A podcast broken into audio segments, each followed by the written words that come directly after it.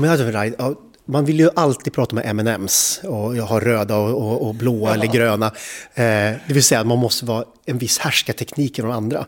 Men jag tror ju på att en rider för mig skulle vara att jag skulle eh, veta att alla skulle göra sitt jobb så bra som möjligt och faktiskt låta mig vara i fred lite grann och lita på mig. Det är min rider, lita på mig. Det är riden högst upp. Lita på mig. Du har ju jobbat med så otroligt många artister. Vad är den värsta riden du har sett? Um, Ja, utan att nämna några namn. Men det finns i början av min karriär, när man inte vågade säga till så mycket, så fanns ju också vissa artister som eh, visade upp sina divalater ganska hårt, vad de ville och kunde göra på en musikvideoinspelning. För på den tiden var det ju också så att, äh, att en video var ju mycket större i sin produktion.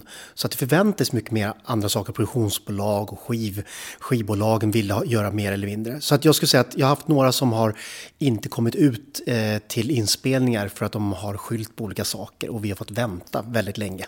Och så. Det var mina första steg och då tänkte jag att undrar om jag ska göra de här sakerna för det verkar jobbigt att inte ha artister som vill göra det som vi ska göra tillsammans.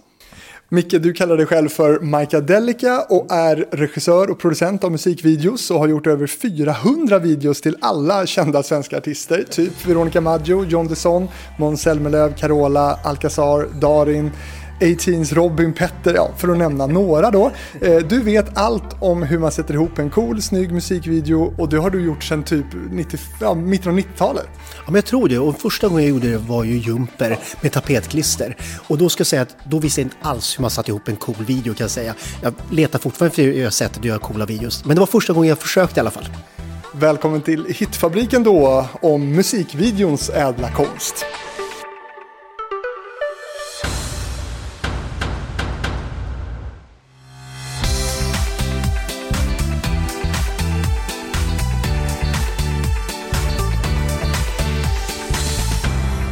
När jag var runt 17-18 så hade jag praktik på ZTV, musikkanalen som då runt år 2000 eh, var på väg att fasas ut i princip. Vi spelade mycket musikvideos och redan då, för typ 20 år sedan då, så plockade jag upp ditt namn som en het videoregissör som gjorde otroligt många av svenska stjärnors eh, musikvideos. Välkommen Micke. Tack så mycket, kul att vara här. Du, första minnet jag har av dig då från den här tiden då, då jag praktiserade på ZTV det var att du hade gjort en Robin-video tror jag. Jag tror att det kan ha varit My Only Reason. Ja, just det.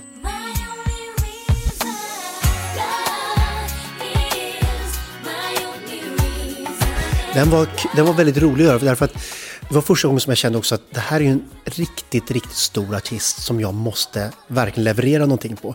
Så jag slog ju knut på mig själv för att komma på någonting bra där. Men jag, jag, tyckte att Robin hade en bra idé. Jag var ute på eh, vad heter det? Beckombergas sjukhus som precis eh, höll på att läggas ner. Så vi fick göra vad vi ville där. Så var där hela nätterna i, i en vecka och målade om så det skulle se ut som ett sjukhus. Och var där och var väldigt rädd. Jag blev väldigt spökrädd av, av att, det, att det hade varit så många olyckliga själar som varit där. Så man kände, det satt i väggarna där. Så att jag var livrädd på kvällarna att vara där själv. För visst var det, det, det var som ett BB när du byggt upp det va? Ja, precis. Idén, jag tror att idén var så att, att Robin väntade eh, på sin eh, bästa väns, eh, att hon skulle föda. Och hennes only reason var att finnas för andra på ett eller annat sätt. Och the only reason för mamman var att finnas för någon annan. Jag tror att det var det som var idén.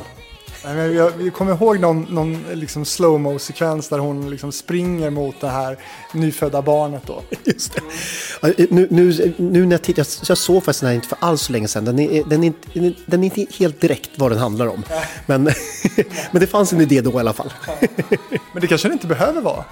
Nej, men jag tycker inte det heller det. Jag, jag skulle säga så att en bra musikvideo är ju alltid en video som illustrerar, som bildsätter ljudet. Man berättar vad, vad låten handlar om i bild såklart.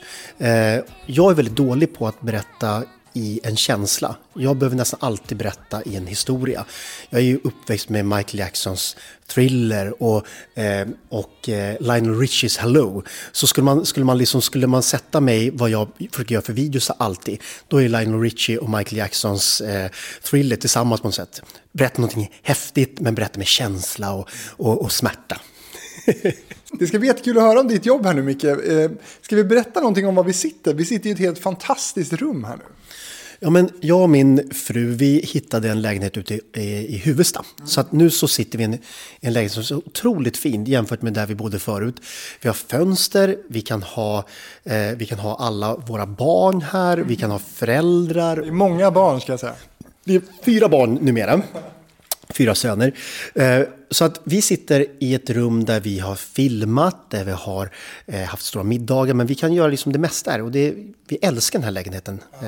Eh, för, det, för det är som en ateljé skulle man kunna säga, med stora fönster och väldigt ljust och fin utsikt också här. Ja, nej men vi har ju så här, vi har sol hela dagen från ena hållet till andra hållet så vi kan grilla och vi kan fota eh, och vi har världens bästa ljus. Vare sig det regnar eller, eller solsken så har vi alltid bra ljus för att filma.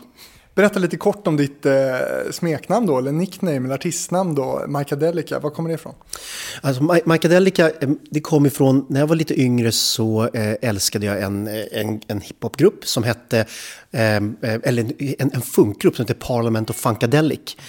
Och lite senare kom hiphopen in i mitt liv och då fanns en grupp som hette eh, Digital Underground. Och de brukar alltid rita sina eh, omslag. Eh, och där hette, var en kille som målade dem som hette Rackadelic. Och när jag blev tillfrågad eh, vad jag skulle kalla mig, jag, jag, sen, när jag sen började måla graffiti själv så kallade jag mig för Delica. Eh, och när jag sen lite senare började stillbildsfotografera så frågade min eh, agent vad jag, vad jag, skulle ha för byline. Det fanns ju en, en, en, fantastisk fotograf som heter Micke Jansson. Men sen fanns det Mikael Gustavsen, eller Gustafsson också, som fanns på Expressen kanske. Och jag vill liksom inte riktigt bli ihopkopplad med honom för att jag fotade annat. Så att, då sa jag, men jag vill kalla mig för Mike Adelica och kopplade ihop mitt gamla hiphop med att jag tyckte det var ganska bra med den attityden, för det är den attityden jag gärna vill ha när jag regisserar eller fotar. Att det, det, det är en, en, en, superkraft som gör de här sakerna snarare än, än en person.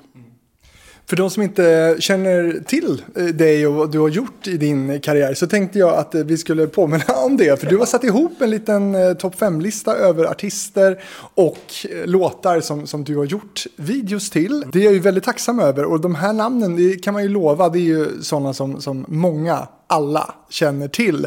Mm. Eh, ska vi börja och beta av den lite och, och berätta lite? Ska vi börja med, med Darin? Ja. Hur, hur har ert liksom, samarbete sett ut? Nej, men Darin, Darin är ju, jag är otroligt stolt över samarbetet med Darin. Sen så Darin eh, och jag, vi kanske inte kommunicerar hela tiden när vi gjorde de här sakerna rakt vad vi ville göra och hur vi skulle göra. Men det som var skönt med Darin, det är två saker. Ett, så litade han väldigt mycket på att jag visste vad jag skulle göra. Men han är sån jäkla stjärna. Därför att han, han kan vara hur blyg som helst eller han kan vara eh, han kan stå i ett hörn och, och, och, vänta på att bli tillsagd att nu är det dags att ställa sig upp. Men så fort man, man sätter på kameran så är han, han är så fruktansvärt eh, bra. Så att jag behövde inte göra någonting. Alltså, han gjorde mitt jobb väldigt lätt. Och det som också var roligt med att göra honom också var att jag, all, jag var ju aldrig med på den tiden när, när ABBA eller när Ted Gärdestad var de här enorma stjärnorna. Men jag gissar att, att, att eh, Darin var som enorm stjärna när han kom. För att han kom precis, han var första vändan av idol, idoler. Han var nummer två idol vilket gjorde att han fick jobba i fred och vara precis där han skulle vara. Eh, så att när jag gjorde videos till honom så fick jag verkligen göra mina, mina eh, Lionel Richie-videos. Jag fick verkligen göra hjärta och smärta och berätta väldigt gulliga, söta historier eh, ur, ur ett perspektiv som skulle funka för en målgrupp som var tjejer i, säg 10 till 18 år. Ja. Vilken är perfekta målgrupp för mig att berätta saker. För de tycker att det är lika bra som mig att vara romantiskt lagd i historier. Och du har gjort då Love Killer, Perfect, Want Ya, Who's That Girl bland annat, Step Up. Eh, är det någon av de här som du har något särskilt eh, stark relation till? Nej, men jag, jag tror att när vi gjorde, jag gjorde Why Does It Rain, Who's That Girl och eh, Step Up tror jag var de, de tre första jag gjorde. Och det som var roligt med de videos det var att jag fick en förfrågan så här, kan du göra videos till Darin? Och jag började bygga videos som, jag visste vad hans målgrupp var. På den tiden fanns också en jättestor fanbase för, för Darin. Så jag var ju där inne och läste och tittade lite vad, vad alla de här tjejerna skrev. Uteslutande tjejer då såklart. Du gjorde din research alltså? Jag gjorde jättemycket research för jag tyckte det var kul att, att göra de här sakerna. Men då analyserade jag det på det här sättet att jag vill göra, jag vill göra väldigt fina kärleks och relationsvideos. Som inte byggde på kille och tjej träffar varandra och som liksom är, är det kärlek på det sättet. Utan det skulle vara något annat hela tiden. Så om man tittar på de här tre videorna så har jag byggt alla videorna på att det är, det finns en tjej Eh, delaktig någonstans i det här. Men det handlade inte så mycket om, om vem det var utan alla skulle kunna identifieras med den som var Darins subjekt i det här. Så att det är aldrig någon som får Darin utan det är bara det är, Elsa Hosk är, en, är hans ängel. Det finns flicka som har lämnat honom. Så vem ska skydda Darin nu och så vidare. Så jag byggde väldigt mycket på att, att få fan fanbasen att, att känna att det är mig som den här videon handlar om tillsammans med Darin. Hade det gått att göra en video med Darin idag eh, med, eh, ja han har ju kommit ut, kan man göra en, en, eh, en, en gay-kärlekshistoria på det sättet? Skulle du kunna göra det? Alltså jag hoppas Alltså jag skulle säga att jag skulle göra det eh, vilken dag som helst. Jag har, jag har en video som är fantastisk som jag kan berätta om sen med Mendes och hans son också som jag gjort som är en av de som jag är absolut mest stolt över. Men det handlar ju också om, jag skiter, jag, här, jag är inte så intresserad av att prata om så här, inkluderande eller vem som får eller gör vad. För att allt är självklart. Det är liksom, det, det, man, ska, man måste prata om det därför att man måste belysa det. Men det borde vara självklart för alla. Att... Ja, det var en dum fråga av mig, för det är klart att det går. Men, men mer så här att hade det, varit liksom, hade det kunnat vara en idé som funkar liksom uttrycksmässigt, kommersiellt och så? Jag, jag tror, jag skulle säga att, att tiden finns där nu. Jag tror att många aktar sig. Det är som, du vet, George Michael gjorde aldrig en, en video utan fantastiska fotomodellstjejer som dansade kring honom alla visste att han var homosexuell. Det fanns ju inte människor som inte trodde att han var homosexuell. Och jag gissar att ingen hade problem med det heller. Men det handlar ju om en, om en image som jag tycker är jävligt tråkig att den, att den finns. Men, men om man skulle fråga de som gör videos nu, eller artister nu, då, skulle, då tror jag att de flesta rycker på axlarna och säger så här, det spelar verkligen ingen roll vem jag tänker pussa i videon eller utanför videon. För det, det är både min business och Tar ni inte det, då är ni inte mina fans. Då ska ni inte lyssna på musik i alla fall. Och jag tycker att det ska vara så. Men svar på din fråga, det skulle vara, jag tror att ett skivbolag skulle nog gärna vilja diskutera hur man skulle göra en sån sak. Är det viktigt att berätta en historia, en, en homosexuell historia, kanske man kan berätta något annat. Så tror jag faktiskt att, att flera bolag fortfarande tänker, vilket jag tycker är skittråkigt och, och synd och lite, lite förlegat. Men det är någons pengar och då kanske de tänker att kanske inte köps lika mycket. Jag promotar inte det, utan jag skulle vilja göra sådana videos hela tiden. Och då om man vill komma tillbaks till, eller om man vill berätta om den här ähm, Mendes-videon bara lite fort. Så är det ju så att jag, jag gjorde en video till Mendes, jag gjorde ett lite skivomslag till honom. Supertrevlig, jättebra. Men när vi lärde känna varandra så kanske inte han var, han kanske inte hade Pride-flaggan högst upp i, sin, i sitt träd skulle jag säga. Däremot så har jag gått igenom fram och tillbaka massa saker. Han, hans eh, son eh, har kommit ut och, och är en fantastisk person. Men det är också, eh, Leo, alltså Mendes är ju också en fantastisk person. Därför att han har gått ifrån att vara någonting till att vara en förespråkare och stå längst fram och skydda sin son såklart, för han älskar sin son.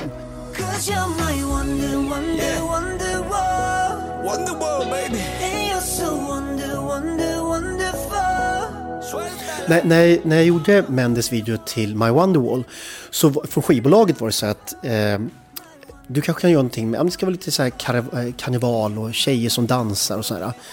Och sen satt jag och lyssnade på låten och så fick jag också höra om Mendes historia med sin son som hade kommit ut och flyttat hem till Sverige därför att han var rädd att hans son skulle liksom han blev hotad i livet i, i, i, deras, i deras land liksom. Eh, och då kände jag så att varför ska, man göra, varför ska man inte berätta deras historia istället? Så att hela videon handlar om egentligen hur, eh, hur Leo uppfostrar sin son att va, våga vara sig själv, som alla bra föräldrar gör. Våga vara dig själv. Men när han väl vågar vara sig själv, det vill säga komma ut, det är väl verkligen då man ska vara stolt som förälder att man har uppfostrat någon till att våga vara sig själv och då ska man stötta. Och det, har, det gör ju stora, det gör ju Mendes senior nu och det vill jag berätta. Så att hela videon är en historia om att uppfostra söner till, och barn, uppfå sina barn till att tro på sig själva. Och när de tror på sig själva, då ska man vara där hela vägen.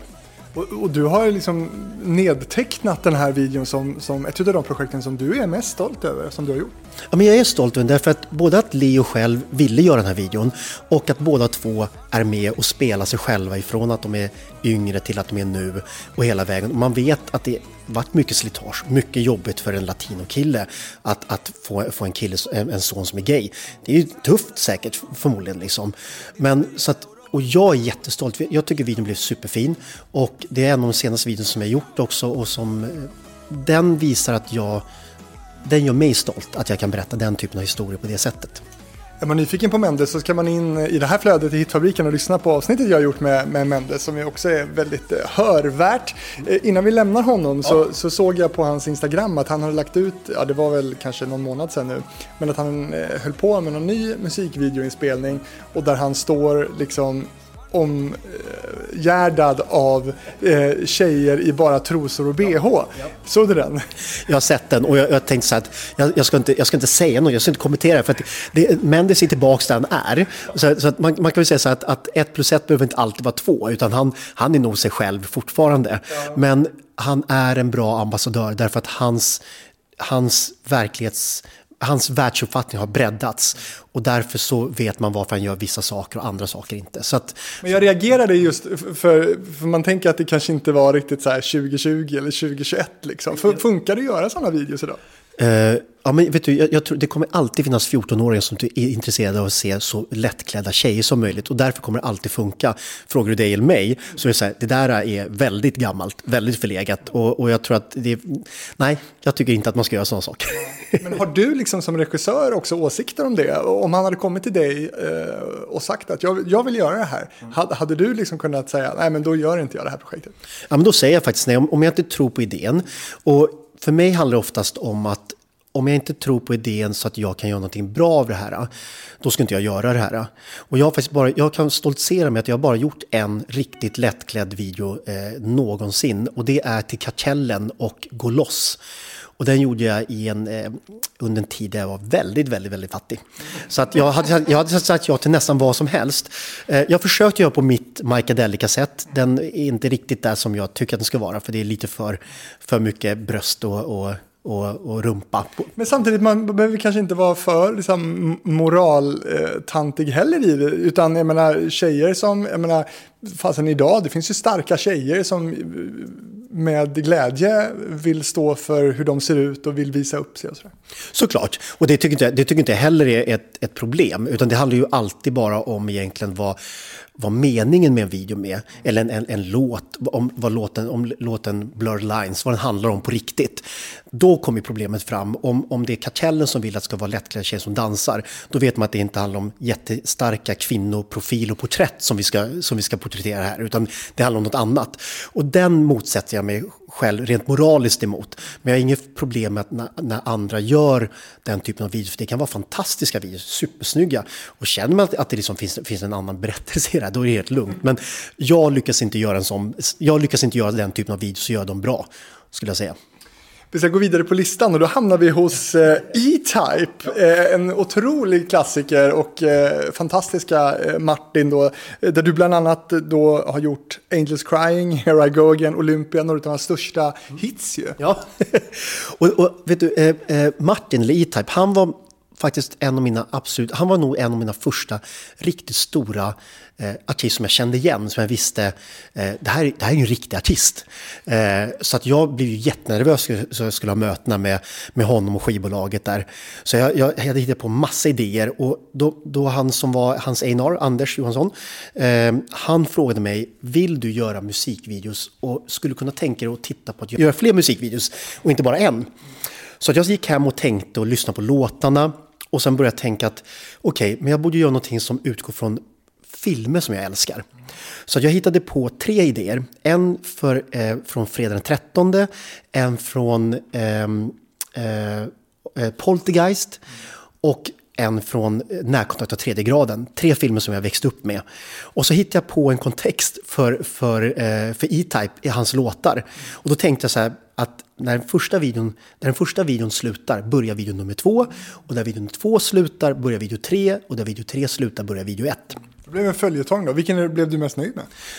Uh, jag, jag tycker både, både, nu blev det inte tre videos så här, men både Angels Crying och uh, Here I Go, uh, Here I Go Again, heter den så? Here I Go Again, uh, var blev jättebra. De var superkul och det var, jag var så ny i att göra det här så att allt, varenda dörr jag öppnade på inspelningen, varenda person jag pratade med var som det var så jäkla kul att vara en del av ett team som gjorde de här sakerna tillsammans. Så att jag har jättegoda minnen av, av de här inspelningarna. Jag, jag lärde också känna min, min huvudfotograf som jag hade länge som heter Linus Sandgren. Och Linus Sandgren är ju, för de som inte vet det, men han har filmat nu bland annat eh, nya James Bond. Men han vann också en Oscars för La La Land. Eh, och min äldsta sons gudson, gudfar vill jag bara säga, det är mest stolt. Så jag är otroligt stolt över att jag har fått jobba med Linus och upptäcka videovärlden med honom. För vi upptäckte verkligen tillsammans mycket. Eh, och de här videorna som vi gjorde med, med E-Type och, och, så vidare, de gjorde vi tillsammans och vi hade så jäkla kul när vi gjorde de här. Kul ju! Men Martin, han, han hade väl lite rykte om sig då inte heller var så jätteenkel att samarbeta med då, på den tiden i alla fall. Nej, och, och jag, jag ska ju, jag, nu, så, nu så har det runnit så mycket vatten så jag kan ju säga att han var ju fruktansvärt jobbig eh, att ha att göra med. Och, och, det har ju också med alla människor som har ett kontrollbehov är ju ganska svåra att ha att göra med, inklusive mig själv. Men Martin var så att när han när han kom till mötet så var han försenad och så satt jag och berättade om idéerna. Eh, och så kom han in och lyssnade lite fort och sen berättade han, drog han sin idé som skivbolag sa, men Martin vi kan inte göra de här idéerna, det där, det där är för dyrt och omöjligt. Han ville att vi skulle bygga upp Stonehenge i princip och, och Camelot och han skulle stå med ett slagsvärd och säga come follow me och sen började, skulle hela videon börja. Då hade hela budgeten ätits upp innan videon började. Men då sa, då sa Martin så här, ja, om ni tror på honom den här killen då, ja men gör, jag, kommer, jag gör hans videos och så gick han därifrån. Så satt jag där med ett skivbolag som sa, ta det lugnt Mick, han, han kommer komma. Eh, och sen så höll det på så här eh, under inspelningen. Han kom inte ut första dagen så vi fick spela in en annan inspelningsdag och bygga upp det i en studio och så vidare. Men för mig var det bara, det var, det var jättekul att, att göra de här sakerna. Jag har, jag har mycket att tacka Martin också för. För att han, någonstans i slutändan så litade han väldigt mycket på att det faktiskt blev vad det skulle bli av det här. Så att, eh, så att allt vatten under, under broarna. Jag var oftast väldigt arg på Martin för att han inte ville likadant som jag där. Men han sa aldrig nej och han var där i tid och jag fick verkligen göra några videos som satte mig på kartan vad jag ville och hur jag kunde göra saker. På tal om kontrollbehov, nästa person som, som du har listat på din topp 5-lista är Carola. Ja!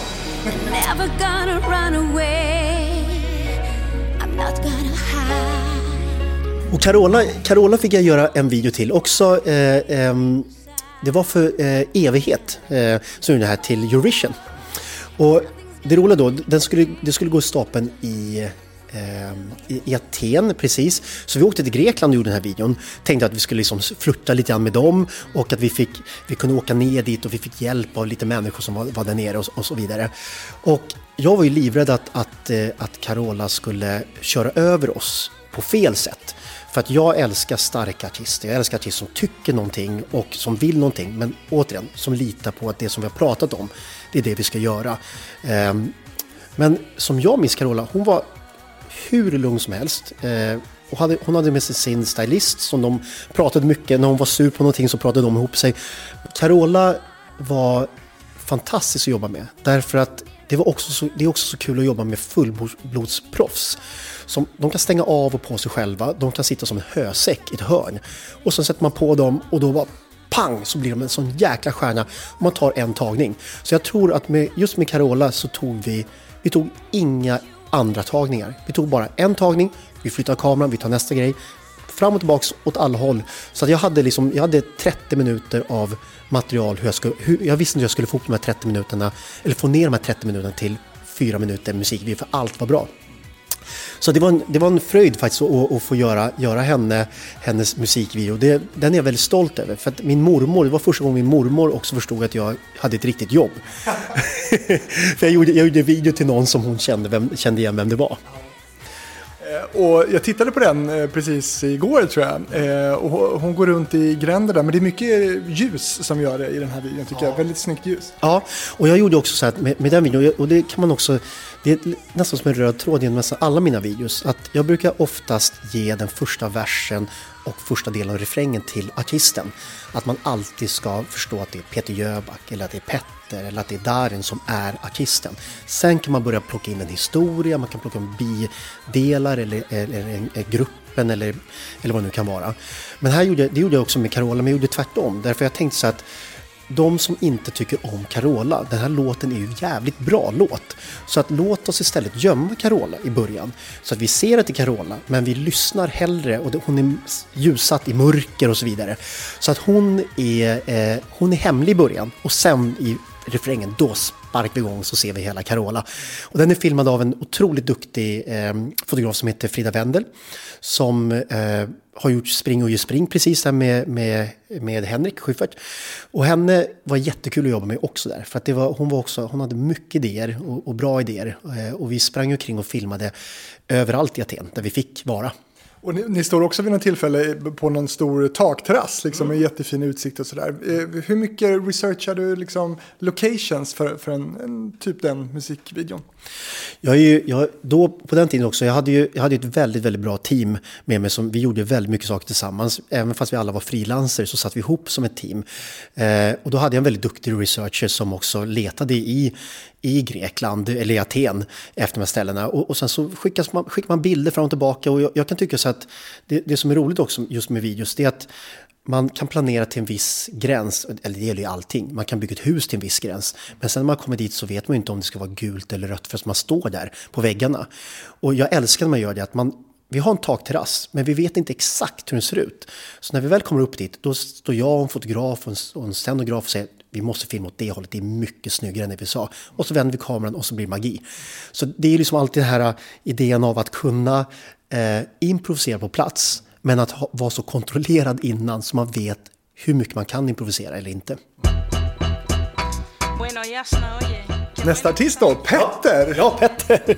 Va? Eh, vilken stjärna och, och otroliga hits också där du har gjort eh, bland annat Saker och ting-videon och Såklart. Det är några av de eh, absolut största låtarna som han har gjort ju. Och ja. du har också gjort skivomslag. Ja, ja jag, jag, är ju stillbildsfotograf från början så att det började faktiskt med det. Men med, när det gäller Petter så är det ju samma form av så hatkärlek eh, som, jag, som jag haft med eh, E-Type. Eh, och jag gissar att, att Petter kände detsamma eh, lite grann. Därför att Petter ville aldrig riktigt erkänna vad jag har gjort eller inte i hans eh, videos. Men jag är otroligt stolt över det samarbetet också. Jag är väldigt stolt över våra videos därför att de spelades fruktansvärt mycket på MTV och på MTV Nordic och ZTV fanns inte riktigt då va? ZTV kanske var kvar fortfarande. Det var väl då som ZTV var som, var som finast när vi höll på det. Ja, med Petter så var det så att Petter är väldigt bestämd vad han vill ha en video. Samtidigt som man nödvändigtvis inte vet vad man vill ha i videon.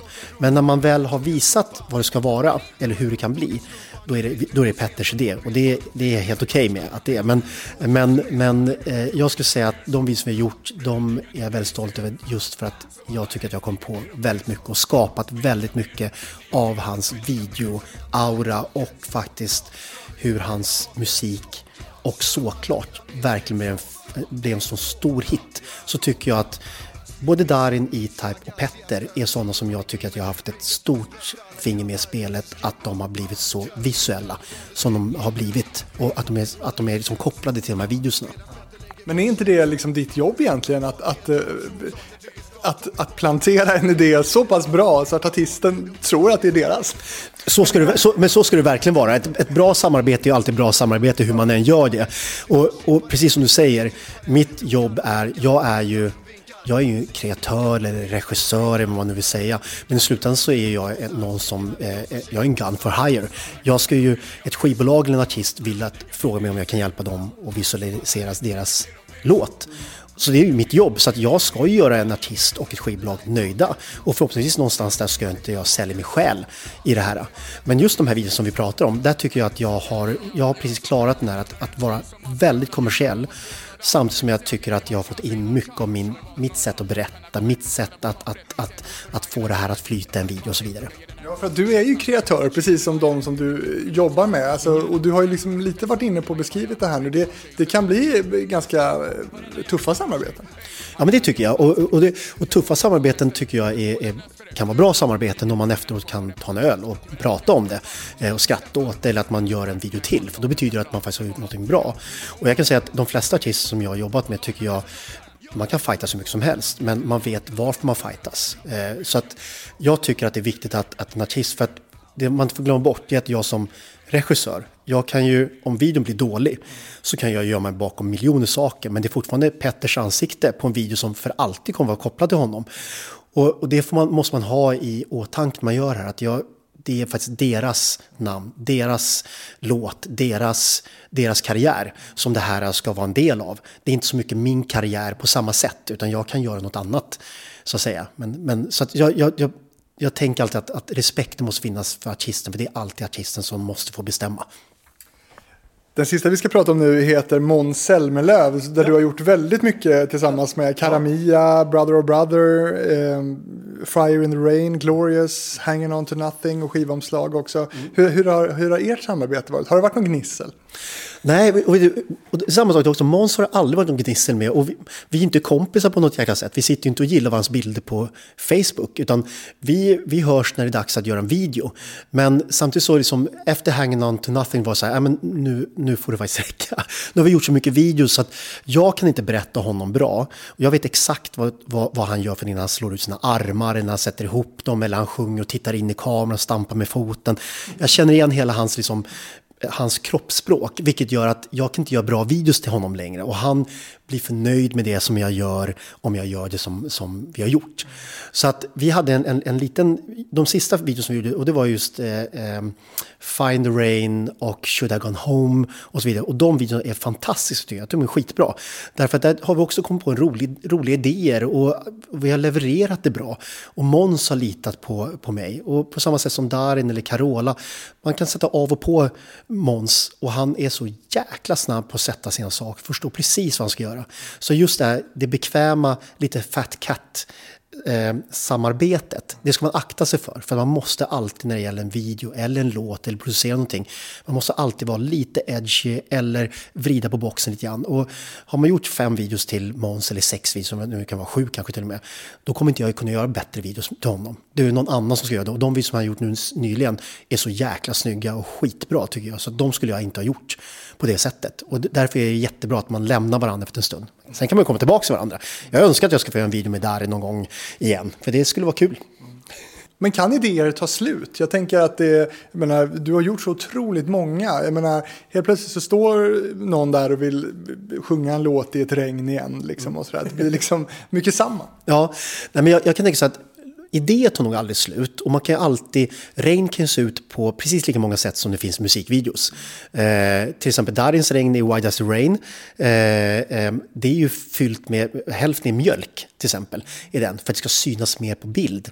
Vi gjorde också så, så att Darin fick ställa in de två första inspelnings eh, turnéstartdatumen för att han blev förkyld, kommer jag ihåg. Så att skivbolaget var inte jätteglad på oss och det här regnet av hälften mjölk. Men med det sagt, vad jag ska, vad jag ska svara på, det är att eh, eh, eh, det som alltid är, jag skulle säga det som är problemet, det är inte så mycket kreativiteten, utan det är ju också tiden och en budget. För även om tekniken har, har blivit mindre och mindre, eh, lättare att, att jobba med, så krävs det, så, så har också budgeten blivit mindre. Och man kan fortfarande inte göra en regnvideo om man är två personer i teamet. Man behöver vara ett team och kunna göra de här sakerna. Så att jag skulle säga att för att göra de här videorna som man önskar att man ska göra så behöver man faktiskt ha lite, lite mer budget. För kreativiteten tar aldrig slut, men, men man behöver oftast ha lite mer budget än, än vad man önskar. Och det kan vi väl återkomma till, det här med pengarna kring, kring musikvideos. Mm. För det är klart att det, det, kostar ju någonting det här också. Ja. Jättebra topp 5-lista. Då har vi placerat dig, liksom vilka du har jobbat med och ja. hur samarbetena har sett ut. Eh, men ditt jobb då som musikvideoregissör, hur skulle du säga att ett sånt uppdrag ser ut? Alltså hur, hur kommer uppdraget till dig och, och så vidare? Jag, jag, jag tror att jag både haft ganska mycket tur, men sen så ligger det mycket, otroligt mycket arbete såklart bakom, eh, bakom det som jag gör. Men jag har haft turen, för jag började som stillbildsfotograf och sen så hade jag, fick jag några förfrågan om du kunde göra musikvideo också. Och då ljög jag såklart och sa att jag kunde göra det. Ja, men, men, men, men då så... Eh, upplägget ser ut så här att ett skivbolag hör av sig till mig om det inte är en specifik artist som kanske säger så här, Micke kanske skulle göra det här. Och många gånger så är det så och så, var det, så är det mycket mer nu, att man lägger ut det här så att man får pitcha på en idé. Så det kan vara så att Darin hör av sig till fem artister eller, eller fem, fem eh, regissörer eller produktionsbolag och säger hej, här är, en, här är en video, här är en video som vi vill, eller här är en låt som vi vill göra en video till. Det här är våra grundidéer, det här är våra förutsättningar. Vad vill du göra? Och så får man skriva. Och har man tur då så får, blir man inkopplad på det här eh, och får göra det här. Jag tycker att jag har haft ganska mycket tur genom hela min, min tid. Att jag faktiskt knappt nästan aldrig fått skriva mot andra utan jag har blivit tillfrågad att göra video, videon. Och då det blir ett annat sätt, jag blir, an, jag blir lugn på att få göra det här. Men då gör jag så att jag, jag brukar ofta säga, jag tar låten och så lyssnar jag på låten 300 gånger i bilen. Jag, jag, har åkt, jag vet inte hur många varv runt Stockholm jag har åkt och haft en CD-skiva med en, med en demoversion av en Darin eller en Petter eller en Måns och lyssnat om och om och om igen. Tills jag hänger upp det på en gul bil, för det borde vara häftigt med, med det.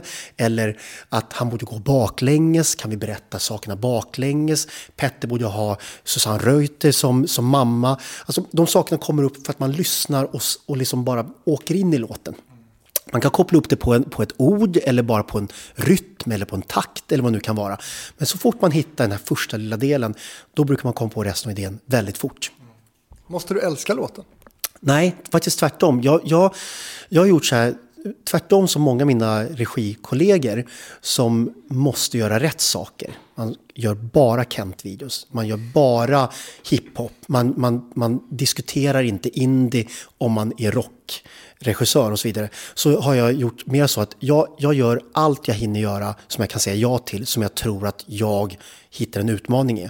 Jag gör hellre en Amy Diamond-video och försöker få den att bli så bra så jag är stolt över den, än att jag ska göra faktiskt, om jag ska vara elak, ytterligare en Måns Zelmerlöw-video eh, och så vidare. Därför att det finns någonting i att, att respektera en artist, respektera sig själv, att man måste utmana sig själv alltid. Och det är en större utmaning för mig att göra en Amy Diamond-video bra än att göra en, en Måns Zelmerlöw-video för sjätte gången. Har du kontakt med Amy Diamond? Jag har gjort en Amy Diamond-video eh, och därför, därför, nämner jag henne. Därför att det, var, det, det, är en väldigt fel match för mig när jag gjorde den här videon. Och den videon blev tyvärr inget bra. Men det har faktiskt inte någonting med Amy Diamond gör, för hon var också väldigt, väldigt dedikerad och superduktig. Det handlar mer om att jag eh, inte tog det för stort på allvar. Jag trodde att jag kunde göra det mycket bättre eh, än vad jag kunde genom att göra det med halva ögat stängt. Eh, och det var en lärdom för mig att, att, att jag har gjort ett par sådana videos som jag trott att jag skulle kunna göra jäkligt bra bara för att jag är Mike Delica. Eh, och då har det visat sig att jag absolut inte kan göra det och det blir skitdåligt. Ja, du har ju så, du har liksom gett mig några exempel på sådana som du inte är så stolt över också. Det kan vi återkomma till. Ja. Men eh, om du hör det här, eh, Amy, så är du väldigt välkommen till Hitfabriken. Jag har försökt få med henne ett tag här, men har inte fått henne på kroken än. Eh. Jag, jag, tror att Amy skulle vara fantastisk att lyssna på vad hon gör för någonting. Och, eh, så, som jag läste om henne i press, just att hon hårfrisörska, men att hon har börjat eh, komma in tillbaka till lite artisteriet så kommer hon säkert göra det väldigt, väldigt bra. Och filmen och film, just det. Hon har ju varit med i film också. Just det. Mm. Vi ska snacka lite MTV nu tänkte jag Micke. Ja. Eh, Tv-kanalen då MTV förknippades ju i alla fall väldigt mycket med musikvideos och har ju varit banbrytande på många sätt i hur man ser på musik. Vad har MTV betytt för dig? Eh, den har ju, jag är ju den åldern, jag är ju 72, jag är ju 40 åtta år. Så att den, den har liksom betytt allt för mig. Man satt, ju, man satt ju verkligen och väntade på vissa videos och vissa program som, som formade den väldigt mycket. Så att jag tror att, att tack vare MTV så har jag förstått att jag älskar rytm. Och, och det skulle jag säga, det brukar jag alltid säga till mina söner också, att, att det enda man behöver lära sig, vare sig man behöver, vill jobba med musik eller jobba som hjärnkirurg eller advokat, lär man sig rytm, då lär man sig sitt yrke. Därför att allt handlar alltid om timing. Och det blir väldigt tydligt i en musikvideo, för där är rytmen som bygger hela dramaturgin för allting. Eh, så att med det sagt, MTV, utan MTV hade jag aldrig gjort det som jag hade gjort. Därför att det blandade ihop två bra saker. Det handlade, handlade om musik, Eh, och sen så tre saker. Musik och dans och bild. Och alla de sakerna är det som jag älskar och det är det enda jag egentligen kan. Eh, för att jag har valt att det är det enda jag vill göra. Så att, så att för mig så MTV är den magiska heliga graalen som jag, utan att säga att det var bättre förr, men sättet som MTV och ZTV gjorde att man, var, att man fick titta på massa olika typer av musik. Istället för nu att man väljer på YouTube. Väljer man en, en låt, då får man också de sakerna i sin feed. Så att det är inte så att älskar man Justin Bieber, då är det den typen av musik som man faktiskt får i sin feed. Anna, i, på MTV fick man ju som bo, eh, head, head, vad heter det, hårdrock, och man fick liksom hiphop, och man fick liksom indie, och man fick svenskt, man fick allting. Så man lärde sig tycka om väldigt mycket olika saker. Vad har MTV för roll idag? Jag skulle säga att MTV har en, har en försvinnande... Alltså om, om man frågar mina söner så vet de inte vad de är för någonting. De vet att de gör ganska kassa eh, reality-shower som är, liksom är, det är för dåligt skulle jag säga. Så att de, är, de finns ju inte längre när det gäller musik, musikdelen som de var banbrytande i. Eh, så det är jättetråkigt. Vad är den primära liksom, utposten skulle du säga för, för musikvideos idag? Är det YouTube? Det som jag tror har håller på att ändras, eller har ändrats också mycket, det var ju från, ifrån att MTV gjorde att musikvideos var väldigt viktigt att göra, så har med intåget av internet så dödade det videos under en stund. Det gjordes inga videos för att det fanns inga pengar att tjäna på dem. Nu är ju videos viktigare än någonsin. Därför att har du ingenting som finns på YouTube, då är du inte en artist per definition. Om vi pratar, nu pratar vi kommersiella artister. Eh, om du är en Britney Spears och du väljer, jag gör ingen video, då blir det väldigt konstigt. Nu skulle det kanske vara ett statement som skulle göra att det skulle hjälpa henne. Men per definition så behöver du en video. Även om du filmar din iPhone så måste du ha en video. Och eh, det gör att YouTube såklart är den viktigaste kanalen. Men om jag tittar vidare på det här skulle jag säga att eh, kanaler som TikTok eh, eller faktiskt Instagram om, när artister börjar väl göra kortare låtar, mindre saker och lägger ut dem där, då kommer det vara musikvideon. De, man kommer inte behöva göra musikvideo för en hel låt. Det räcker ett intro på, mus, på en musikvideo för att rikta dig till, till, eh, till eh, om man säger, eh, som Spotify och så vidare. Så att jag skulle säga om att en musikvideo är precis lika viktig som förut, men i ett mycket kortare. Tänk dig trailers. Gör en trailer istället. Gör, gör 30 sekunder av din video och gör dem jävligt bra. Och sen lägg resten på att göra en, en, en, en bara en visual av videon och köp skiten på, på Spotify. Men hur känns det för dig då? Ja, men det, det är ju samma sak, om man sitter och pratar med, med sina gamla kollegor, då kan man ju lätt säga att det var bättre förr, vilket det absolut inte var. Det var förr. Liksom. Det var roligare förr, det var jävligare förr och nu är det lika roligt också och lika jävligt. Men de som inte kan följa med i, i, i flödet av, av sin egen industri, eller de ska inte göra de här sakerna. Eller ska man göra det som man är väldigt bra på och fortsätta med det så att säga. Så att eh, jag skulle säga att, att eh, jag välkomnar att tekniken blir lättare att bära. Jag välkomnar att det är lättare att klippa. Jag välkomnar att det är lättare för min son att göra sin egen musikvideo som, är lik, som kan få lika mycket views som en video som jag gör för 400 000. Och det tycker jag är bra, därför att pengarna är inte viktiga utan det är kreativiteten som är viktig i slutändan. För att det, är, det ska kittla någon som tittar att någonting är möjligt eller komma in i en kärlekshistoria eller en, en jakt eller en känsla av att man är o, oförstörbar. Den kan man berätta med en iPhone lika väl som med, med ett stort team som står bakom mig och jag ska sitta och skapa det här under tre veckor. Är det den stora skillnaden skulle du säga? Nu har ju du jobbat väldigt länge med det här. Mm. Är det den stora skillnaden i, i eh, ja, både produktionstakt men också hur teamen sett ut från det att du började då på, på 90-talet och, och fram till idag? Vad är, de, vad är de stora skillnaderna produktionsmässigt för dig? Absolut största skillnaden det är att det är man kan göra mycket, mycket mycket mera med mycket färre personer. Det är egentligen den största, eh, eh största skillnaden. Att jag kan, jag kan hålla, det som jag kan göra själv, det hade jag behövt kanske fem personer för, för några år sedan att göra. Och det, det är skönt att kunna ha den friheten. Samtidigt som det är så att samarbetet eh, är är absolut viktigast. Därför att du och jag behöver prata om vi tycker att det som är framför kameran är bra eller inte. Eller att du kommer med feedback att vi kanske behöver vända kameran eller artisten behöver göra de här sakerna. Så att med det sagt skulle jag säga att allting har blivit enklare att göra. Men det innebär inte att berättelserna blir bättre. Så att man får inte glömma bort hur viktigt det är att vara en bra berättare, bra regissör eller bra producent eller bra klippare. För det är fortfarande där som allting skapas. För att du kan fortfarande filma med vilken kamera du vill. Men kan du inte berätta en historia eller få ihop den här äh, känslan, då har du inte lyckats i alla fall. Ditt enorma vardagsrum slash ateljé här innehåller ju en hel del teknik och, och, du berättade ju för mig här att, att du, du filmar ju allt med, med en, en, en, en mindre kamera. idag. Vad har du för utrustning när du jobbar?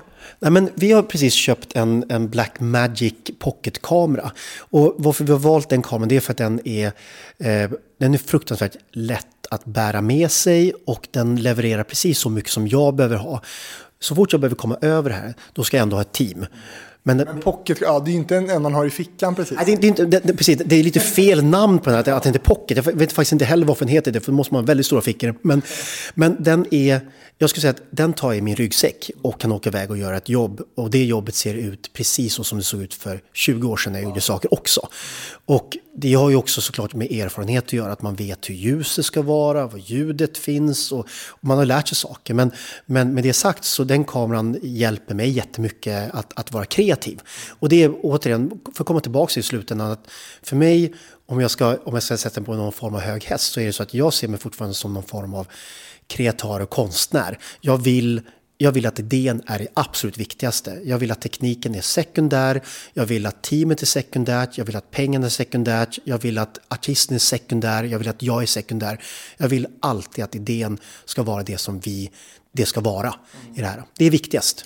Men vad händer då när, när du på plats då möter andra kreatörer, en artist som, som inte håller med dig? Vi ska inte alls ha kameran åt det här hållet för det är bättre. Alltså hur, hur starkt vill och kan du argumentera just för dina liksom, idéer?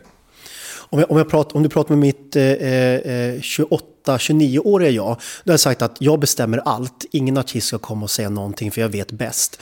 Men sakta men säkert med att jag har, har slagit huvudet i väggen flera gånger och jag också förstår, återigen som jag säger att det är artistens video. Att jag är någon som de bör lyssna på, men jag måste lyssna på min artist. Så har jag lugnat ner det här lite grann. Att jag jag kan komma in i det här rummet och säga att vi ska filma det här rummet. Jag kan säga att vi bör filma åt det hållet. Och är artisten stark nog att säga att vi, bör, vi ska vara åt det hållet, då ska den ha rätt. Jag tycker att en person ska ha rätt i det här, för då har inte jag förklarat min vision bättre än att den vill sätta den åt ett annat håll. Det kan ofta vara så att det finns en mycket bättre idé. Så att svar, kort svar på det, det är att i slutändan så tycker jag att artisterna har rätt, men jävlar vad jag har slagits och bråkat eh, med artister åt olika håll och vägrat släppa in dem i klipprum och, och varit arg på plats och, och stampat iväg och sådana saker. Och det har jag gjort, eh, det ångrar jag kanske lite grann nu, men det är också min rätt som regissör, för att jag måste brinna för min idé. Och återigen, artisten i slutändan är sekundär för att vi ska göra en idé som gör att vi slår undan fötterna på de som tittar. När har du varit som mest arg då? Jag har varit jävligt arg på, eh, jag har varit ganska arg på E-Type. Jag har varit som argast när jag inte kunnat förklara min idé på ett så bra sätt så att artisten förstått att jag har rätt. Så kan man säga, om man ska vara lite diplomatisk. Ja, för jag tänker att mycket av din idé kanske också är i ditt huvud. Liksom. Ja, och, och, så är det ju. Och det är ju så, jag går ju aldrig in i en låt och säger till en artist, du jag tycker det här reverbet var jävligt fult. Alltså det, det låter inte riktigt bra i din låt. Och på samma sätt så vill inte jag att en artist ska komma in och säga, du Micke, jag tycker inte att du ska filma åt det här hållet, för det känns inte riktigt som idén. Då, I mitt huvud tänker jag skit i det. För att jag jag berättar visuals, du berättar musik, så låt mig göra mitt jobb. Eh, så att de gånger som inte jag kunnat förklara det här på ett bra sätt eller vi inte kunde kommunicera rätt, då har det inte funkat. Och jag har haft ett par videos där jag faktiskt inte kunnat göra det här bra, så att det blev fel. Och då har jag fått göra om hela videon. det har hänt mig två gånger. Jag har gjort en video till Dilba och en video till en, en fantastisk artist som heter Pain, som jag älskar över allt annat. Eh, de två är de enda videoartister som jag fått göra om videorna helt och hållet. För att det funkar. Jag, jag lyckades inte få fram det jag ville göra. De tyckte inte om det och jag fick ställa mig och göra om det. Vilken Dilba-låt var det?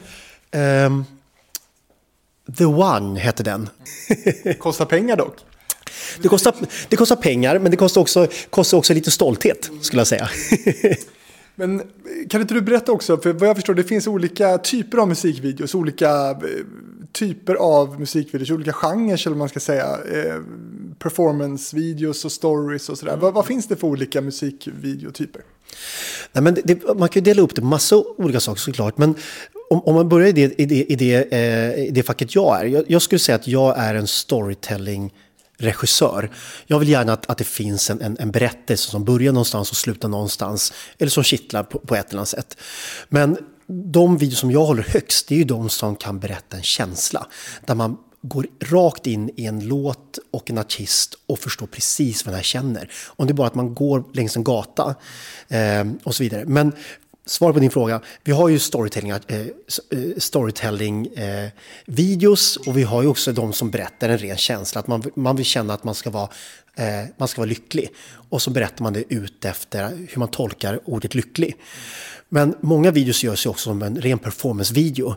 Mjölkregnet. Mjölkregnet, precis, exakt, precis. Och, och, och, och, där finns också det som är väldigt populärt nu eh, och det är ju en ren budgetfråga. Men också för att det inte behövs mera. Och det är videos som, eh, som man gör med, med visuals. Alltså man, man, man, man, man skriver ut texten egentligen eh, till, till låten och gör det med grafik. Och det är lyrics-video typ. Exakt, lyrics-videos. Och jag kan tycka att, att gör man en lyric-video ut efter vad, vad den är per definition så är det skitfult och svintråkigt. Men om, om jag tittar på en av mina absoluta största favoritvideos så är det Sign of the Times med Prince.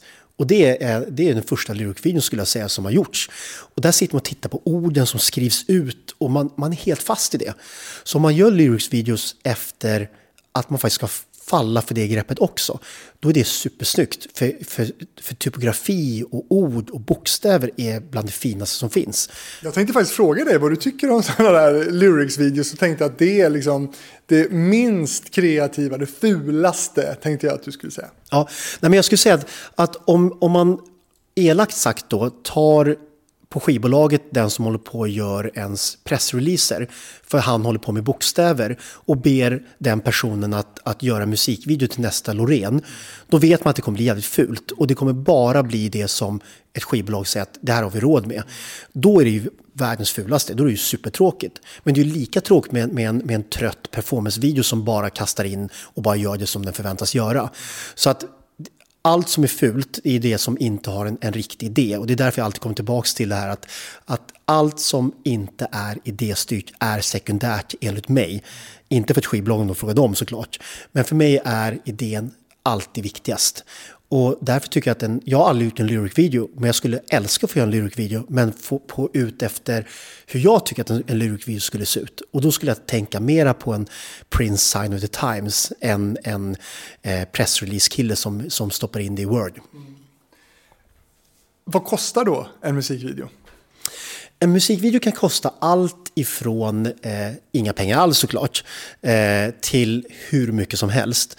Men om du skulle fråga mig vad en svensk musikvideo kostar i, eh, i dagens mått, eller i, vad, en svensk video eh, 2021 skulle jag säga ligger någonstans mellan 20 och 200 000 över 200 000 då får man börja diskutera, då är det, då är det någon annan som betalar än skivbolaget. Då är det någon annan eh, som har ett intresse i det här. Då finns det alltid en, en sponsor eller liknande. Men ett skivbolag går sällan över 200 000 numera. Mm. Också just för att en video som kostar 20 000 kan ha precis samma impact. Och det är ju också att, att numera så har också skivbolagen lärt sig att en, en, en, det är inte bara så viktigt att att en video syns, utan det handlar också om i vilken kontext. Att om en, om, en, om en artist går ut och säger att de vurmar för regnskogen och gör en stor grej med regn, om, om regnskog och gör en video som handlar om det här och kan gå ut i andra medier och prata om eh, att man ska vara rädd om naturen. Plus har man ju massa plattformar. Videon är, är, är återigen, den är inte lika viktig som att artisten pratar om regnskog. Men pratar man regnskog så kommer de länka till musikvideon och plötsligt så får en annan synergi. Så att jag tycker att artister har blivit duktiga på det som, som jag har jobbat med mycket de senaste åren. Och det är att sätta ihop koncepten. Budskap helt enkelt. Budskap. Eh, men vad, vad är den dyraste videon du har gjort? Jag tror att den dyraste videon som jag har gjort det är nog till 18s och eh, Halfway around the world. Ja, det är den när de har en uppbyggd gata va, på något sätt? S vet du, vi byggde, jag tror vi byggde 60 meter gata åt olika håll eh, till den här videon. Den tror jag kostade 1,3, 1,5 någonstans. Och då vill jag bara säga att för en gång så fick hela mitt team betalt så som ska betalt också. Och det, det var väldigt fantastiskt tror jag.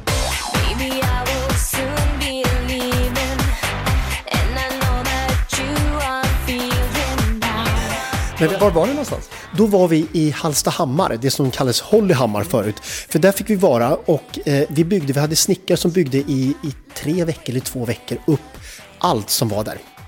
Och det var, det var något café och allt möjligt. Ja, och vet du, café, jag måste berätta en liten rolig historia om kaféet. För att det här kaféet, idén, idén till hela den här, det var att jag, min första idé med, med 18 det var att jag skulle filma dem eh, jag tänkte att jag skulle åka runt med 18s över hela världen. Jag skulle filma i Pisa, i, vid, vid alla ställen som är, vid Sfinxen. Jag skulle filma på alla ställen som man känner igen från hela världen på riktigt. Och så skulle de vara halfway around the world, åka runt helt enkelt. Det var min idé. Det gick ju såklart inte att göra eftersom de inte hade tid och, och bla bla. Så hittade jag på en idé att man skulle göra så att man åker över halva världen för att hitta den man älskar, men egentligen är den på samma plats. Och då hittade jag på att man skulle vara på en fiktiv filminspelning som handlar om att vara på massa olika platser i världen och så är det två filmarbetare som då är på samma plats och egentligen vill träffa dem. Ja, det är väldigt, väldigt sött och gulligt. Men till, till, till den här idén då så, så, så var det just det här att, att eh, eh den, kostade, den kostade mycket för vi, hade, vi fick plötsligt råd att göra så mycket. Och en av, en av de grejer som jag tyckte var roligt att bygga den här, det var eh, kafédelen i den här. Eh, därför att min mamma och pappa gifte sig i Paris. Eh, och jag har alltid sett bilder på dem när de sitter på det här kafé, kaféet och har sin bröllopsmiddag med, med närmsta släkten. Så jag tog de bilderna och gav till min scenograf och sa bygg upp det här kaféet så är du snäll. Så att kaféet som är där, det är min mamma och pappas eh, eh ställe där de, gift, när de hade sin bröllopsmiddag. Det tyckte jag var väldigt, väldigt kul. ja, jag, jag, såg den också så här bara eh, häromdagen och eh, tyckte att det, den, ja, den är lite speciell, men ser den verkligen en och en halv miljon dyr ut? Nej, det, det, gör den ju inte, kanske. Eh, men det är det som är också det tråkigt. Vi sa så, de som producerar här, vi sa så att låt alla få precis så mycket som man ska få betalt när man jobbar med reklam. För en, en musikvideo är ju en, är ju reklamfilm. Det är bara att den är mycket längre än vanlig reklamfilm och mindre pengar. Men då tänkte vi att låt alla få betalt och låt oss göra det som vi verkligen vill göra med de här pengarna. Vi lägger pengarna på, på rätt saker helt enkelt. Eh, så att för mig så är det så här, Nej, det där borde inte kosta en och en halv miljon, men det är vad det, vad det kostar om man, om man faktiskt alla ska, ska kunna göra, göra business av det här på något sätt. Vad tänker du då kring till exempel Lena Philipssons senaste video som hon har gjort själv, eller hennes dotter tror jag har filmat med en, en vanlig iPhone. Liksom. Hur, hur, hur ser du på, på den utvecklingen? Jag tycker att den är bra. Och det, det, jag, jag, tycker inte att jag skjuter mig själv i foten eller att jag tappar jobb för att jag, för jag säger att Lena Philipssons dotter borde ju alltid göra hennes musikvideos. Hon borde inte komma till mig. Därför, därför att vad som händer är att Lena Philipsson får ett jätteäkta uttryck. Hon är precis så nära det hon vill vara i de sakerna. Vill hon göra en jättestor video med någonting då kommer hon säkert till någon annan. Men det är helt rätt sätt att göra på. Och återigen, idén är alltid viktigast. Och den har jag i mig. Det har inget med tekniken att göra, det har ingenting med artisten att göra. Jag kommer alltid komma på mina idéer. Jag kommer alltid ha en idé som jag kan lägga på någonting eh, och vem det än är. Så att jag tycker att det är skitbra och skitkul och jätteroligt att det är så lättillgängligt för alla att göra sitt uttryck och sina, sina videos. Och jag tycker också att när jag har sett videos när en artist har gjort en musikvideo och sen kommer till mig och säger så här, jag skulle göra en video med dig. Då kan de visa vad de har gjort tidigare och säga, det här vill vi göra, men kan vi göra det lite annorlunda eller kan du göra det här så det ser ännu mer ut? Då är det mycket roligt, då är det ett jättebra samarbete för då är de också kreativa i sin, i sin del, som de ska vara. Och jag måste bara, jag måste bara säga, när vi pratar om, om det här med, med, med den dyraste videon med 18 där, så eh, måste jag också bara säga min, min billigaste video. Mm. För det, det, är lika kul. För den gjorde jag till Moana och Paranoia. Och den, den var så billig så att jag hade precis gjort en video till eh, Isa och hennes Don't Stop, heter den va, till eh, eh, Melodifestivalen. Eh, så att jag åkte direkt ifrån den filminspelningen, tog med mig några lampor, eh, åkte och träffade Moana eh, eh uppe vid, vid Slussen, där Slussen var Slussen eh, och hans gäng med kompisar. Och så filmade vi, filmade vi i princip där. Men då var det så att, att massor av hans kompisar var hungriga. Så att jag köpte ju hamburgare till dem. Så i slutändan så, för den videon så betalade jag ungefär 250 spänn att göra videon. Så det, det är den videon som jag har gått mest minus på, skulle jag säga. Eh, helt enkelt. Så att eh, det är höjden. Så man kan, allt från minus 250 till en och en halv miljon har jag videos för, kan man säga. Något som också är väldigt speciellt i det här med musikvideos det är ju att artisterna ska mima mm. sina låtar mm. eh, med blandad kvalitet. V vad har du för, för take på det här med artister som mimar? Är, är, är de bra på det? Ja, men, ja, men vissa, vissa är duktiga på att göra det, men de som och det här, det här kan, man, kan ju gå ut till alla som ska göra musikvideos, det är väldigt viktigt. Att man ska aldrig mima. Man ska alltid sjunga. För man ser det på adamsäpplen, man ser det i kroppen, man ser det i muskulaturen. För så fort man låtsas sjunga, då slappnar kroppen av på ett annat sätt, man ser galen ut. Så att man ska alltid sjunga. Så att tricket är ha stora högtalare så att artisten drunknar i sitt eget ljud av sin egen röst så man verkligen kan, kan dra ut och sjunga. Eh, för att man, man ser det på en gång. Så att tricket är man ska aldrig mima vad, är, vad, är, vad är de hetaste trenderna just nu skulle du säga?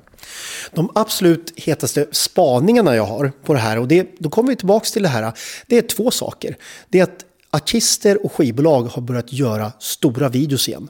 De gör ordentliga stora videos och det, och det är, därför, det är för att artister som Beyoncé plötsligt berättar hela sina album i rörligt material. Hon är, nu tycker inte jag Beyoncé är så bra, men hon är fantastisk därför att hon låter det visuella vara lika mycket av sin musik. För hon fattar att människor sitter numera och lys lyssnar, tittar på musik eller bild. Det ena behöver inte ta bort det andra, det är så himla, himla viktigt. Så att stora artister har börjat göra ordentliga eh, videos igen. Och det andra, om vi tar Lena Philipsson, det behövs inte så mycket. Alltså sitter man och gör någonting som är äkta, det köper man som, som, eh, som åskådare och tittare mycket, mycket mer. För att får du vara i, i Lena Philipssons kök, fantastiskt, då är det på riktigt. Så jag skulle säga större eh, på, e, åt ena hållet, och riktigare, mer äkta åt andra hållet. Och äkta, vad jag menar då, det är att man bara lyfter upp sin kamera och filmar där man är. Jag tänkte att vi så här mot slutet nu bara måste prata lite om de som du har listat till mig som sämst. Sådana videos du helt enkelt inte alls blev nöjd med. Eh, och då måste vi komma tillbaka till en artist som eh, Darins Perfect till exempel. Vad var det du inte gillade med den? Den är så genomusel, den är så jäkla ful.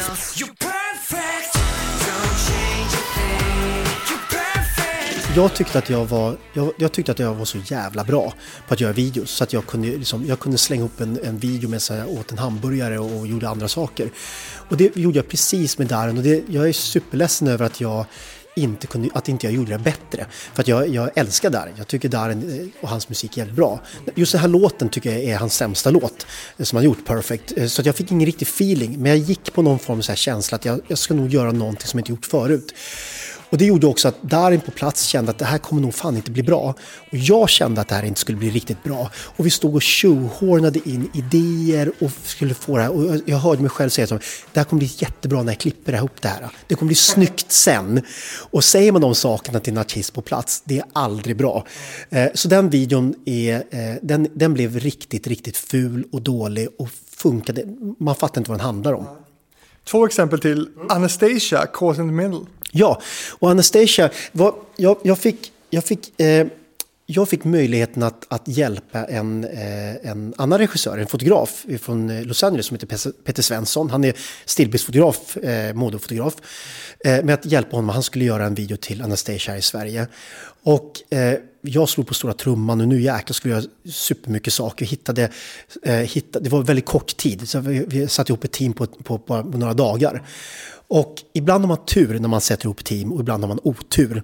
Och jag hade maximal otur med location, med teknik, med team. Allt blev dåligt. Så det slutade med att jag fick åka runt själv och filma extra bilder i liksom i fyra, fem dagar åt olika håll. Med den här kameran, med en annan kamera, med en kompis. Bara för att fylla ut så att det skulle se någorlunda ut. Och återigen, samma sak där också. Jag är så ledsen för att Anastasia var supertrevlig, jätteproffsig. Peter Svensson var en jätte, jättehärlig kille. Men mitt jobb misslyckades katastrofalt. Det är också en riktig riktigt, riktigt dålig video. Du kan också ha otur och dåliga dagar på jobbet alltså. Ja. Men du, september då? Can't get over? samma sak, samma sak det, det, jag, gjorde, den samma veva som jag gjorde Darin-videon Perfect. Och det var just det här, och jag kommer tillbaka till nästan varje gång när vi pratar om det här nu, men, ja. men det är just om man blir för kaxig och man tror att man är för bra, för man är aldrig tillräckligt bra för att tro att man, att man bara kan sitta ner i båten. Man ska alltid vara på tip and toe och göra sitt absolut yttersta. Och det är samma sak med September som jag också har jättemycket respekt för. Jag tycker hon är jätteduktig, jättetrevlig. Men jag trodde också att jag kunde göra det här, eh, göra det här utan att tänka. Och det blev också en video som man förstår den inte och den är jätteful och den är jättekonstig. Den är, jag önskar inte min värsta fiende en sån typ av video för den, det, är, det är oengagerat ifrån min sida. Eh, ingen av artisterna gjorde något fel, men jag satte mig i en kontext som, som måste vara en mardröm för dem. kan du säga någonting också om, eh, bara så att vi får en lite så internationell kontext här kring musikvideoproduktion, eh, Sverige kontra USA, England internationellt. Mm. Alltså, eh, du pratar om 20 000 till 200 000 i, i budget i Sverige. Va, va, om, du, om du studsar det mot internationella marknaden? Nej, men egentligen så, det är svårt egentligen att säga eh, att det är, finns mer pengar någon annanstans eller mindre. För att om man, om man tar sig till USA och man är på ett st större bolag och gör någonting så är det så att det finns eh, det finns ju mer pengar såklart eftersom de har en större marknad. Men det är också större regulations, man måste ha ett annat typ av team på plats, man måste, göra, man måste gå, gå by the book på ett annat sätt. Så att jag skulle säga att de 20 000 som jag har här i Sverige, om jag är i USA så kan det fortfarande vara så att jag gör något för 20 000. Allt har bara med vilken typ av artist. Men generellt så skulle jag säga att, att, en, att en budget för en artist i USA de skulle nog ligga från 200 upp till kanske 600 för att vara samma typ av ballpark som i Sverige. Så att om någon från USA hör av sig till mig, då pratar vi 200 till 600 och då säger de att det här är vad vi har, helt enkelt. Hade du velat bo i, i Los Angeles istället och jobba där? Uh, ja, men det, så, jag, jag, skulle, jag skulle gärna gjort det därför att jag tror, och min uppfattning av Sverige kontra USA, det är att i USA så ser man också väldigt mycket till kreatören. Att kreatören har en viktigare plats än i Sverige. Därför att här är det inte lika viktigt eh, att vara regissör. I USA eller andra länder så är en regissör tongivande på ett annat sätt. Eh, och det hade jag gärna sett. Nu så jag fick barn precis när jag var på väg till, till Los Angeles och min agentur där och tänkte att då måste nog vara grunda mig här i Sverige, vilket var fel såklart. Så att, alltså? Ja, du, du tyckte det var fel beslut? Jag tyckte det var fel beslut för att jag fattade inte att man med sina barn fram till 5-6 år eh, kan de vara med och göra precis vad som helst. Nu har mina söner sovit på, på frig, friggor och, och sovit med, med sandsäckar under huvudet på varenda inspelning jag haft när vi var små, eller när de var små. Men jag hade gärna gjort det i Los Angeles såklart. Det Hur har det påverkat dina barn? Nej, men, båda mina söner är ju fantastiska. De har gått och går på rytm och gör sina saker och äntligen börjar de göra lite musikvis själva. Jag får inte vara med och titta jag får vara med och kommentera, men jag får inte vara med och hjälpa till. Eh, utan de gör sina saker själva, vilket är skönt och härligt. Eh, men, men jag tror att de har hittat in i att det är viktigt att, att man drivs av en idé. Men vad häftigt, så dina barn är också i, i, i samma musikaliska härad som du alltså? Ja, de, gör ju, de håller på med musik på ett annat sätt eh, och skapar musik. Och, och utifrån musiken och också att det är möjligt så gör ju de sina vi egna videos och det tycker jag är fantastiskt. Så att vi kan, det var kul, när, när de började göra musik så började vi kunna prata om samma värld men från två olika håll. Så att jag kan prata det rörliga, eh, eller stillbild och de pratar musik och, och, och toner och det är väldigt kul. Vågar du låna ut utrustning och sånt? Jag försöker kasta på, på dem utrustning men de vill inte låna. De kan själva. Det är så det är. Du, nu har vi snackat över en timme om ditt liv som musikvideoregissör och man får absolut inte då också glömma att uh, Micke också har gjort, uh, förutom som du nämnde då, Jumpers tapetklister och Kajsa-Lisa Eimers först då. Uh, gud vad gammal jag kände mig nu. Men du, är det någonting som jag borde fråga till om som jag inte har frågat nu? Nej, jag tycker alltid att man pratar allt för fort och man pratar för mycket om, om, om, om vissa saker och andra saker. Men jag skulle säga att om, om jag får lämna eh, din din podd med att säga att jag tycker åt, fortfarande att idén, om saker drivs av en idé, då kan ingenting gå fel.